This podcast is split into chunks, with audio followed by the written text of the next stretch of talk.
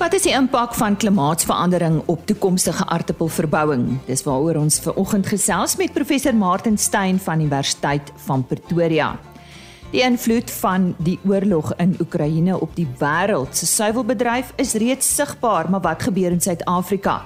Alwyn Kraamwinkel van Sampro sluit ook ver oggend by ons aan. En dan praat ons met Ruby Geier van BKB se eiendomme filiaal Home and Hector en sy praat onder andere oor die tipe kundigheid wat 'n agent wat in plaaseiendomme spesialiseer. Dis vanoggend op RSC Landbou. Goeiemôre en baie welkom by vandag se program. Kom ons sluit vanoggend eers aan by Frans de Klerk en hy fokus op die rand. Goeiemôre, dit is so lekker om weer 'n bietjie met die boere te gesels en so net voor die Paasnaweek wat vir almal 'n baie groot geestelike en 'n Christelike naweek is en en 'n vooruitsig is. Wil ek amper vir die boere sê ek wil vanmôre 'n bietjie met hulle stil staan en en praat oor die rand-dollar grafiek want Suid-Afrika is eintlik maar 'n kommoditeits uh, gedrewe geldeenheid land en dit is maar eintlik hoofsaaklik ons volg die die groot kommoditeite. As die kommoditeite baie sterk op na boontoe beweeg, dan is die rand gewoonlik besig om te versterk en andersom kom. En daarom wil ek nou vanmôre kyk na die maandgrafiek van die rand en wat hy eintlik doen hier sedert kom ons sê van 2018 af. En dit is eintlik om vir boere so 'n bietjie 'n langtermyn perspektief te gee oor wat eintlik gebeur is. Nou ons weet op die oomblik Die Oekraïnese Rusland debakel sit baie druk na bo op kommoditeitspryse en veral sagte kommoditeite Maar die rand is eintlik besig om vir ons 'n storie te vertel. Op hierdie maandgrafiek sit ons met 'n lieflike kop en skouer. Nou 'n kop en skouer in die randgrafiek sê gewoonlik dat die rand kan sterker gaan. Maar as ek nou na hierdie maandgrafiek kyk, dan wil ek net vir die boere sê, die rand se groot versterking as dit kan gebeur met ons politieke situasie en met die vraag na kommoditeite en die tekorte wat gaan ervaar word na Rusland en en kom ons sê Oekraïne op 'n dag uitmekaar uit is en hulle rus en vrede het, gaan eers 'n teken gee van groot versterking onder R13.62 en ons is nou op vlakke hier by 14.60 14.70 Nou wat dit vir jou sê is die dag wanneer die rand op 'n maandgrafiek onder 1360 begin inbeweeg, dan kan ons 'n versterking kry en ek dink boere gaan my amper nie glo nie, dan kan hy so versterk na R11.80 toe.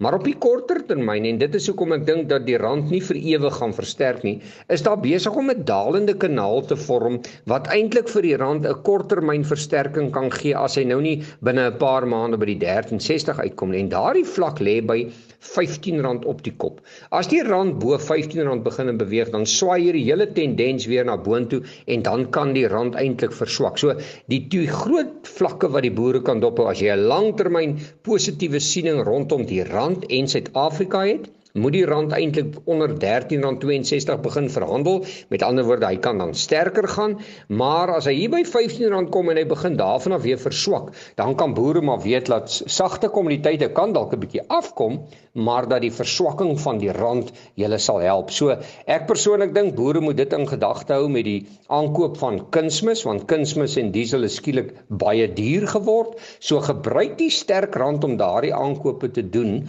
maar as die rand begin verswak hier by R15 dan sê dit eintlik vir ons dat ons kan duurder daarvoor betaal mits die situasie in Oekraïne en Rusland gouer omkeer en dat daardie lande weer in produksie kan kom. As ek kyk na na video's en insets as wat ons sien rondom die Oekraïne, die laaste waaraan daai boere op die oomblik dink is om weer koring te plant, om weer palladium in die wêreld in te stuur. Dit gaan lank vat om daardie lande aan die gang te kry, maar as ons kyk na die rand, is die twee sterk vlakke vir die boere vir hierdie hele naweek om lekker oor te dink en te raai is R15 vir die Amerikaanse dollar teenoor die rand en 13.86 vir die boere. Nou ja, geniet julle naweek, besoek gerus ons webtuistes en dankie vir die boere wat aansluit by ons currency view per dag om te kan sien wat die rand dollar doen om hulle te help met hulle oeste en met hulle beplanning rondom die boerde. Mooi loop, alles van die beste. So sê Frans de Klerk en Frans is 'n onafhanklike tegniese analis en net sy e-posadres frans@fransdeklerk.com. Soos beloof gesels ons nou met Ruby Geier. Nou vir die wat haar ken, sy's intussen Bradfield, maar uh, ja, kom ons gaan voort met die onderhoud. Sy is prinsipaal van Home and Hector wat 'n filiaal is van BKB. Rubai, môre kan jy ons meer vertel oor waar Home and Hector begin het? Dis 'n baie mooi naam. Goeiemôre RSG luisteraars en Lise, baie dankie vir die geleentheid om met jou te kan praat. Ek sal jy het nou eintlik die woorde uit my mond uitgehaal want ek wou begin het deur te sê Home and Hector is 'n filiaal van die landboureus BKB. So ons was eintlik oorspronklik bekend as BKB Eiendomme en toe is ons vroeg in 2019 herdoop na ons nuwe handelsnaam wat nou is Home and Hector Eiendomme. So uit die aard van BKB het ons 'n betroubare fondament, so ons werk daaraan om nuwe verhoudinge te bou, maar ook ons bestaandes te versterk. Waar sal ons die Home and Hector handelsnaam oral sien, Rubai? Lise, so uit die aard van BKB se besigheid doen ons saam met hulle nasionaal um, eiendomstransaksies en uit BKB uit gee dit vir ons hulle footprint gee vir ons toegang tot 'n wye netwerk van kopers en verkopers. Hmm. En ons bereik hierdie kopers en verkopers deur 'n baie goed uitgedinkte verwysingsstelsel wat ons intern gebruik. En dit is nou byvoorbeeld tussen die lewende hawe agente by BKB en die eiendomsagente by Home and Hector. Verder is ons sterk teenwoordig in die Oos, die Suid-Kaap, die Wes-Kaap en dit sluit nou natuurlik ook die Weskus in. En ek moet net vir myself in die rede val want ek klink daar amper soos 'n weersvoorspeller. Maar ehm um, as ons meer sentraal en in noorde van die land toe gaan, het ons ook agente wat in die Vrystaat en in Mpumalanga vir ons besigheid doen. En voor ek vergeet, ons hoofkantoor is in Port Elizabeth, Kabega en ons is daar in 6de Laan Warmer. In watter segment van die eiendomsmark spesialiseer julle? Ja, Lise, ons naam som eintlik baie goed op. Home verteenwoordig ons residensiële been van die besigheid en dan die hektaar verwys na plaas transaksies. So ons spesialiseer in landboueiendomme natuurlik en dan beleggingseiendomme, ontwikkelings, residensiële as ook kommersiële eiendomme. Ons dienste sluit innoverende bemarkingsopsies in wat nie altyd so wel bekend is in die tradisionele raamwerk van 'n eiendomsagentskap as ek dit nou so kan noem nie en daar bied ons ook veilinge, tenders en uit die hand verkope uit. So ja, dis basies 'n opsomming van ons dienste wat ons aanbied en ek moet ook net gou-gou sê in 2020 het ons 'n verdere aanbieding tot die pakkie gevoeg en ons het nou ons eie aanlyn platform waardeur ons digitale veilinge aanbied. So met ander woorde mense kan reg oor die wêreld aanlyn op ons eiendomme bied en ons saai dit ook lewendig uit op ons Facebookblad. Wat kan 'n kliënt verwag wat by julle huis of 'n plaas koop? Ons het 'n baie gekwalifiseerde span van ervare eiendomsagente en ons kan jou bemarkingsplatforms wat ons gebruik om te bemark as ook die plan aanpas om elke individuele kliënt se spesifieke behoeftes na te kyk want ons weet almal se situasie lyk mos nou anderste. So alhoewel ons streef na innoverende maniere om gedurende nuwe tegnologie te implementeer, ons verstaan jou eiendom grootste bates. So ons is baie bewus van die verhouding tussen en as ek nou die Engelse terme kan gebruik, die verhouding tussen tech en touch. Met ander woorde, mense doen besigheid met mense en tegnologie of selfs die internet sal nooit daai funksie kan vervang nie. Hmm. So ons bou regtig ons verhouding ons verhoudinge met die kliënte deur vertroue te wen. Vir ons is dit langtermyn en dis ook hierdeur dat ons die maatstaf stel vir ons vlak van dienslewering. Want ons weet ons gaan oor 'n maand of 'n jaar of selfs 3 wil ons weer met jou besigheid doen. Dis nie vir ons net 'n 'n once off deal nie. En ehm um, ja, ons agente regtig het verskriklik baie kennis vir alles wat kom by landbougrond. Waar dit nou bietjie anders te lyk as 'n residensiële huis wat verkoop word byvoorbeeld die agent en ek wil hulle eintlik meer ehm um, konsultante noem want hulle moet byvoorbeeld kennis dra van die veepryse, die veld, reënval per jaar, die draagkrag op die spesifieke plaas wat hulle byvoorbeeld bemark, die tipe veiding en hulle moet ook kan adviseer in terme van 'n realistiese prys per hektaar wat baie belangrik is. En ja, verder tot dit, hulle moet 'n gehele idee hê van die landbou insetkoste in Suid-Afrika. Byvoorbeeld 'n voornemende koper kan help om waarde te ontsluit. So ja, dis bietjie meer van 'n konsultasierol as net agent wees wat plase verkoop. En as ek nou so vinnig op my voete moet dink, baie van ons agente het selfs meer as 30 jaar se ervaring in hierdie eiendomsindustrie, spesifiek landbougrond. So dit is eintlik wat ons wil nou nie sê ons is beter as ander nie, maar dit is daai is baie gerusstellend vir kopers en verkopers. So ons waardes fokus verseker daarop om die vertroue van ons kliënte te wen deur ons toegewyde diens en aksie wat boonbehalwe die kennis is wat ons agente het. So, hoe gaan dit by julle hoofkantoor daar in Port Elizabeth of soos ons deesdae sê, Kebega? ja, Kebega. Dit gaan eintlik verskriklik goed, Lise. Ons het so 2 jaar terug 'n gevestigde eiendomsagentskap hier in Kebega bekom Hulle naam is Solomon Crawford wat ons nou ingerol het onder die nuwe handelsnaam Home and Hectare en dit is onder die handelsnaam wat ons nou besigheid doen. En hulle was eintlik baie sterk verteenwoordig in veral en meer spesifiek die luxe huismark segment in Kabega as ook die bestuur van korporatiewe verhuurings. So ons het daai twee segmente bygekry en dit ingerol onder die Home and Hectare hoofie wat ons van tevore tot 'n mindere mate gedoen het. So dit het vir ons eintlik baie beteken spesifiek in Port Elizabeth en omliggende areas. Saam met daai besigheid het daar verseker ook baie ervare agente onderhou menekter begin werk. So ek is hmm. eintlik baie trots om te sê ons agente ken die mark en hulle ken die industrie. Hulle werk hmm. in niche areas wat hulle regtig baie goed ken. Hmm.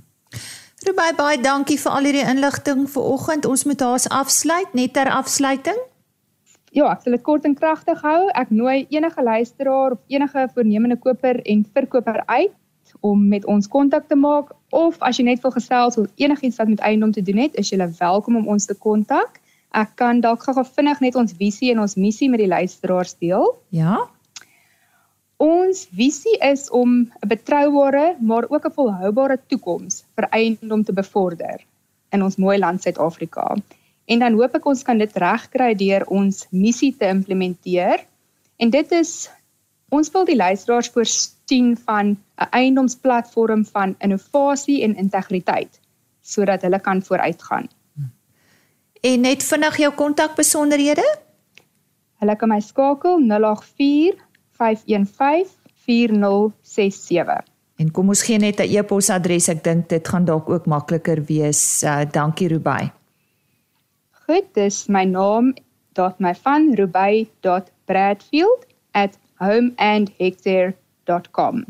Goed, kom ons herhaal net gou-gou daardie besonderhede. Haar selfoonnommer 0845154067 of per e-pos is rubai, dit is R U B E bradfield by homeandhector.com en uh, ons het gesels met Ruby Bradfield wat voorheen Ruby Geier was en uh, sy het vir ons vertel van een van die BKB groep se filiale Home and Hector. Professor Martin Stein van Universiteit van Pretoria het onlangs in die ateljee kom kuier om te praat oor navorsing wat gedoen is op die impak van klimaatsverandering op toekomstige aardappelverbouing. Nou hierdie studie is moontlik gemaak deur finansiële hulp van Aardappel Suid-Afrika, die Universiteit van Pretoria, aardappelboere, studente, die Departement van Handel en Nywerheid en Mededinging se THRIP program die Nasionale Navorsingsstigting en die Nederlandse ambassade in Suid-Afrika. Maar die klimaatsverandering hou verskeie ongunstige gevolge vir die wêreld. En kan jy uitbrei oor wat ons vir Suidelike Afrika te wagte kan wees? Ja, ek dink die tekens van klimaatsverandering in ons weerpatrone is duidelik te sien. Ons sien dit al reeds vandag in goed soos die ehm um, hittegolwe wat ons in die Kaap sien hierdie tropiese siklone wat ons Mosambiek sien, die abnormale hoë reënval in die noordelike dele van die land. So die tekens is duidelik daar. En as ons kyk na temperature oor die laaste 100 jaar of so, het temperature al reeds met 1 tot 2 grade Celsius gestyg. So is definitief aan die toeneem. En wat kommerwekkend is vir ons in die landbou is dat ehm um, uiterste toestande soos droogtes, vloede, ehm um, tropiese storms en so aan is is besig om te vermeerder en en dit gaan in die toekoms ongelukkig net nog erger word en ook vir die droër dele van die wêreld so Suidelike Afrika waar ons sit ehm um, word die ergste daardeur getref in die toekoms. Hoe gaan dit gewasproduksie en spesifiek aartappelverbouing in Suid-Afrika raak? Aartappels is 'n gewas wat uh, kom uit die Andes gebergtes van Suid-Amerika. So dis 'n koelweer gewas. Hy hou van matige temperature, uh, genoeg water. So enige verandering in klimaat um, en veral temperature verwag ons gaan die gewas meer strem in die toekoms. En uh, dis natuurlik iets wat opbrengs en kwaliteit negatief kan beïnvloed. Maar jy sê julle navorsing het gewys dat daar vir aartappelboere dalk 'n silwer randjie aan die donker wolk kan wees. Wel enige verandering of verhoging in temperatuur vir 'n droog ag vir 'n hittegevoelige gewas soos aardappels is natuurlik nie goeie nuus nie. Uh omdat ek soos ons gesê het dat die gewas meer gaan strem. Maar ons moet onthou dat ehm um, die verhoogde temperatuur word gedryf deur verhoging in sogenaamde kweekhuisgasse waarvan koolsuurgas een is of CO2 ehm um, wat natuurlik opbou as gevolg van die verbranding van fossielbrandstowwe. So ons sien al 'n verhoging oor die laaste de ehm uh, oor die laaste 100 jaar, maar veral die laaste dekade sien ons 'n dramatiese verhoging in CO2 vlakke. Bijvoorbeeld in 1960 was die uh koolstofgaskonsentrasie van die atmosfeer so 315 dele per miljoen. Op die oomblik trek ons by 410. Die verwagting is dat teen 2050 ons so by 550 gaan trek en teen die huidige besoedelingsvlakke aan die einde van die eeu teen 700 dele per miljoen. Nou dit is uh as gevolg van hierdie stygings in CO2 is die stygings in temperatuur want daai besoedeling maak so 'n konversie in die atmosfeer en dit keer dat die hitte wat van die son af inkom nie weer kan ontsnap nie en dis hoekom temperature geleidelik styg. Maar wat die CO2 betref het uh Navorsers in die verlede al vasgestel dat ehm um, breëblaar gewasse, die sogenaamde C3 gewasse meestal uh positief reageer op verhoging in CO2. So hulle groei beter uh en omdat CO2 'n bousteen is van suikers wat vir ons produksie gee en beter groei en op die einde beter opbrengste, kan ons verwag dat verhoging in in CO2 verhoging in opbrengs kan veroorsaak. En hulle het bijvoorbeeld gevind dat met aardappels as die CO2 van 550 ag tot 550 dele per miljoen verhoog word, het opbrengste met tot 36% vir aardappels verhoog. Wat voorspel julle navorsing vir toekomstige aardappelproduksie in Suid-Afrika? Ehm, um, na aanleiding van hierdie negatiewe verwagtinge van klimaatsverandering op landbou in die algemeen, het uh, ons groep by die Universiteit van Pretoria so 10 jaar gelede in opdrag van Aardappels Suid-Afrika met navorsing begin waar ons saam met ehm um, instansies soos die WNR wat ons gehelp het met klimaatvoorspellings en ander universiteite soos die Universiteit van die Vrystaat en Wageningen in Nederland het ons 'n studie gedoen om te probeer kyk wat is die langtermyn effek of wat gaan dit wees op aardappelproduksie in die toekoms. So ons het na 'n 90 jaar periode gekyk. Ons het histories teruggegaan na 1960 en dan tot en met 2050. En ons het uh gaan kyk na die historiese weerdata, ons het dit gebruik en dan die voorspellings van klimaat van die uh klimatoloë af. En ons het daai data gevoer in 'n gewasgroei model uh spesifiek vir aardappels wat vir ons dan kan help met opbrengsvoorspellings. En uh wat ons interessant gevind het is dat ons nie uh opbrengsverlaging soos verwag nie, maar opbrengsverhogings gekry het. En daai verhogings uh voorspelle verhogings oor die 90 jaar periode het gewissel van so 12% tot 37%. Ehm um, die laer uh, verhogings is in die warmer dele waar ons natuurlik meer hitte stres gaan of stremming gaan verwag en dan in die koeler dele uh hierdie baie beter opbrengsverhogings. So dit lyk op die eind na 'n positiewe prentjie vir aardappels. Maar hoe weet mense dat hierdie voorspellings betroubaar is? Ja, dis 'n baie geldige vraag want uh hoewel modelle die enigste gereedskap het, het wat ons eintlik kan gebruik om hierdie voorspellings te maak, uh is daar maar altyd 'n mate van onsekerheid want niemand kan in die toekoms insien nie. So ons het daardie studie toe opgevolg uh, in die laaste jaar of 2 um, met 'n studie waar ons aardappels blootgestel het aan verskillende temperatuur en CO2 kombinasies. Uh, ons het twee kultivars gebruik en ons het die uh, aardappels in potte geplant in 'n instap groot groei kaste en daai kamers het ons dan uh, kan ons die temperatuur en CO2 vlakke baie akkuraat uh, beheer. En uh, In die eerste kamer het ons dan optimale toestande wat temperatuur betref vir aardappels geskep, 'n nagdag temperatuur van 12.25 en 'n huidige CO2 vlakke van 410 dele per miljoen. Dit het ons dan as die kontrole gebruik om die ander behandelings te, te vergelyk. In die tweede kamer het ons dan net die temperatuur verhoog en ons het nogal dramaties verhoog uh, na nagtemperatuur van 16 en dag van 38. Ehm um, En die rede hoekom ons dit gekies het, dit stem ooreen met uiterste temperature wat ons al reeds kry in plekke soos Noordwes en die Wes-Vrystaat waar aardappels suksesvol verbou kan word. Ehm um, en dan in die derde kamer het ons die temperatuur weer optimaal gehou, maar net die CO2 vlak verhoog tot 700 dele per miljoen en dit is wat ons verwag het gaan wees teen die einde van die eeu. En dan die laaste kamer het ons beide temperature en CO2 verhoog na daardie hoë vlakke toe. En wat het die resultate opgelewer? As ons die opbrengs van uh die tweede kamer vergelyk met die kontrole, ehm um, dan sien ons dat die hoë temperature definitief opbrengs onderdruk het soos ons verwag, ook groei. Ehm um, maar as ons temperature optimaal gehou het en die koolsuurgas opgestoot het na 700 dele per miljoen, het ons 'n uh, dramatiese verhoging in opbrengs gesien. Uh van 3 tot 4voudig afhangend van die van die kultivar. Uh so daar's definitief 'n baie sterk reaksie op verhoging in CO2. Ehm um, die vierde kamer waar die temperatuur ook verhoog het, uh verhoog is, het ons natuurlik 'n uh, onderdrukking gesien uh, van opbrengs. Maar wat bemoedigend is dat daardie opbrengs steeds heelwat hoër uh as die opbrengs onder optimale toestande, huidige toestande. So daar's definitief 'n uh, 'n positiewe uh toekoms vir aardappels. Ons moet natuurlik onthou ehm um, die aanname is hierso dat aardappels besproei is Ehm um, want sonder besproeiing gaan ons in die toekoms ja, die risiko gaan net al hoe hoër word en dit gaan onmoontlik wees om aardappels later droogland te verbou.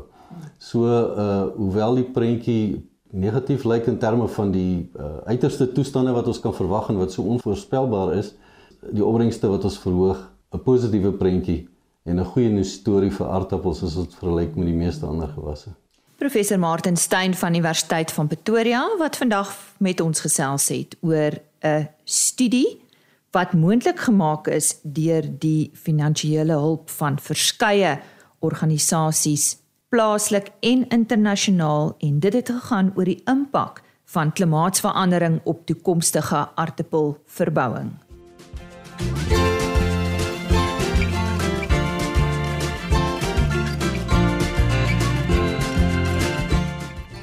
Alle landboubedrywe wêreldwyd word beïnvloed deur die huidige oorlog tussen Rusland en Oekraïne en eh, so ook een van hierdie bedrywe is die suiwelbedryf. Ons praat ver oggend hieroor. Ons kyk na die sekondêre en primêre suiwelbedryf in Suid-Afrika, maar kyk ook wêreldwyd na wat met suiwel tans gebeur. Ek verwelkom graag ver oggend vir eh, Alwyn Kraamwinkel van Sampro. Alwen ja, hoe gaan dit met die suiwelbedryf wêreldwyd en wat is die invloed? Ja. Om daai vraag te antwoord moet mens eintlik twee tydperke onderskei. Die tydperk tot en met die 3de week van Februarie en die posisie tot dan was dat wêreldwyd was daar 'n stygings in die pryse van suiwelprodukte en daar was ook 'n stygings in die prys van onverwerkte melk. Net as bewys daarvan die indeks van die voedsel- en landbouorganisasie van pryse van suiwel wat internasionaal verhandel word, het so in die orde van 24% gestyg en die prys vir onverwerkte melk in die EU wat 'n goeie barometer is, het met ongeveer 20% gestyg. Maar dis ook 'n refleksie van 'n uh, sterk stygende koste wat reeds plaasvind het voor die 3de uh, week in Februarie. Die verwagting daai tyd uh volgens die voedsel- en landbouorganisasie en die organisasie vir ekonomiese ontwikkeling en was presies dat uh die suiwelbedryf in die volgende 10 jaar 2021-2030 waarskynlik een van die vinnigste groeiende landboubedrywe gaan wees in die wêreld. Hmm. En hulle het dit geskat dat die gemiddelde jaarlikse groei in die orde van 1.7% sou wees. So basies 'n positiewe uh uitkyk voor die 3de week van Februarie. Die rede hoekom die pryse styg voor die hand liggend, die vraag was groter as die aanbod. Hmm. Nou kom ons na die 4de week van Februarie. En die inval in, in, van Rusland in Oekraïne het in wer, in werklikheid die wêreld verander. Dit het 'n kort, medium en langtermyn invloed op handelsbetrekkinge, op internasionale verhoudings en het 'n onmiddellike skerp stygings in insetpryse tot gevolg oor 'n wye reeks produkte. Dit het nie net skerp prysstygings tot gevolg nie, daar's reeds aanduiding dat daar bepaalde tekorte aan soos produkte soos kunsmis. Uh, gister in gesprek met byvoorbeeld die Duitse suiwelbedryf en hulle het aangetoon dat daar reeds by hulle 'n tekort aan kunsmis is. Nou dit gaan mettertyd ons plaaslike bedryf natuurlik ook beïnvloed. Ehm um, as ons kyk na die primêre suiwelbedryf in Suid-Afrika. Mm. Weereens moet ons die prentjie voor die 4de ja, week ja. in die uh, skets. En daardie prentjie was dat die produksie van onverwerkte melk in Suid-Afrika in 2021 was in 7 maande laer as in 2020 en in 5 maande hoër. In daai 5 maande sluit in die laaste 4 maande van 2021. Maar die netto-effek is steeds dat die produksie 0.72% laer was as in die vorige jaar. As ons kyk na hoe die prys beweeg het, het die prys van onverwerkte melk al dus die statistiek van uh, statistiek SA het dit in die orde van 8% toegeneem. Die bedryf het egter in daardie tyd reeds aansienlike kostestygings ervaar wat grootliks die prysstygings van 8% uh, eh, ongedaan gemaak het. Na die inval is dit nou baie duidelik dat produkte soos kunsmis dramaties gestyg het. As 'n voorbeeld kan ek noem dat 'n bekende kunsmis soos KN het uh, met meer as 100% gestyg, selfs met Irium. Geweldige stygings wat strukturele gevolge gaan hê. En dit is nie net die prysstygings wat ter sake is nie, dit is 'n vraag of daar voldoende kunsmis gekry kan word, siende dat Rusland 'n belangrike uitvoerder is en siende vir al die ander ontwrigtings wat saam met die sanksies kom. En die sekondêre suiwelbedryf sê net eers vir ons presies waarna verwys ons as ons praat van sekondêr? Ons ver, verwys nou na jy kan onverwerkte melk vat en jy kan dit gebruik om geproseserde melk, tipies varsmelk, IAT te maak, jogurt, dan het jy 'n klomp produkte wat jy vervaardig van onverwerkte melk wat nou insluit jogurt, maas, kaas, melkpoeier, wypoeier, karringmelkpoeier. Nou, wat is die uh inligting wat ons het. Ons ja. weet dat in 2021 het die verkope in terme van hoeveelheid, dis nie klein ons verkope van suiwelprodukte 7 of 8 van die 9 se verkope in hoeveelheid was laer. Terselfdertyd was daar prysstygings gewees in uh 8 van daardie 9 produkte van so tussen 2,5 en 6,9%. Mm. Die rede vir daardie laer verkope is redelik ooglopend dat die ekonomie is in 'n redelike swak toestand. Prysstygings het die koopkrag van die verbruiker geërodeer. Watter ander uitdagings is daar wat ons in die gesig staar plaaslik? As ons plaaslik kyk, dan moet ons eersins vermeld dat die wêreld is in groot onsekerheid gedompel. Die uh, inval in Oekraïne het die potensiaal om te eskaleer met skrikwekkende gevolge, maar as ons die aanname maak dat dit nie eskaleer nie, dan lyk die onmiddellike toekoms vir die seilbedryf min of meer stygende insetkoste te midde van verswakte koopkrag. Hierdie scenario is nie uniek tot die seilbedryf nie. Dit eh, talle bedrywe is presies in dieselfde posisie. In Suid-Afrika kan ons nie in die onmiddellike toekoms 'n uh, eh, verhoging in dienslewering uh, verwag nie deur die openbare sektor. En die seilbedryf is uitsonderlik en daagliks afhanklik van dienslewering ten opsigte van paaie, elektrisiteit, water sowel as sekuriteit. Natuurlik het die bedryf nog die kollektiewe uitdagings wat hulle moet aan aandag gee en dit is om vir die wêreld te toon dat dierewelsyn uh uh, beveiliging van die omgewing dat daardie soort van faktore inderdaad deur die bedryf aangespreek word. Wat beteken alles vir die verbruiker? Die verbruiker het 'n uh, koopkrag wat ondermyn word Eerstens deur die sterk stygings in uh, administreerde pryse. As ons dink aan brandstof, die verhoging van uh in die jaar wat geëindig het in Februarie is in die orde van 33%. Die verhoging in elektrisiteit uh al die statistiek Suid-Afrika in die orde van 14%. So ons sit in 'n mark wat die koopkrag werklik ondermyn is en ons sit in 'n posisie waar die verbruiker meer gaan sukkel om te koop wat hulle laas jaar gekoop het. Alwyn Kraamwinkel van Sampro wat staan vir die Suid-Afrikaanse Melkprosesseerders Organisasie wat vandag met ons gesels het oor die invloed van die oorlog in Oekraïne op die wêreld en ook plaaslike suiwelbedryf. Ek wens jou 'n suksesvolle dag. Totsiens. RSG Landbou is 'n plaas media produksie met regisseur en aanbieder Lize Roberts en tegniese ondersteuning deur Jolande Rooi.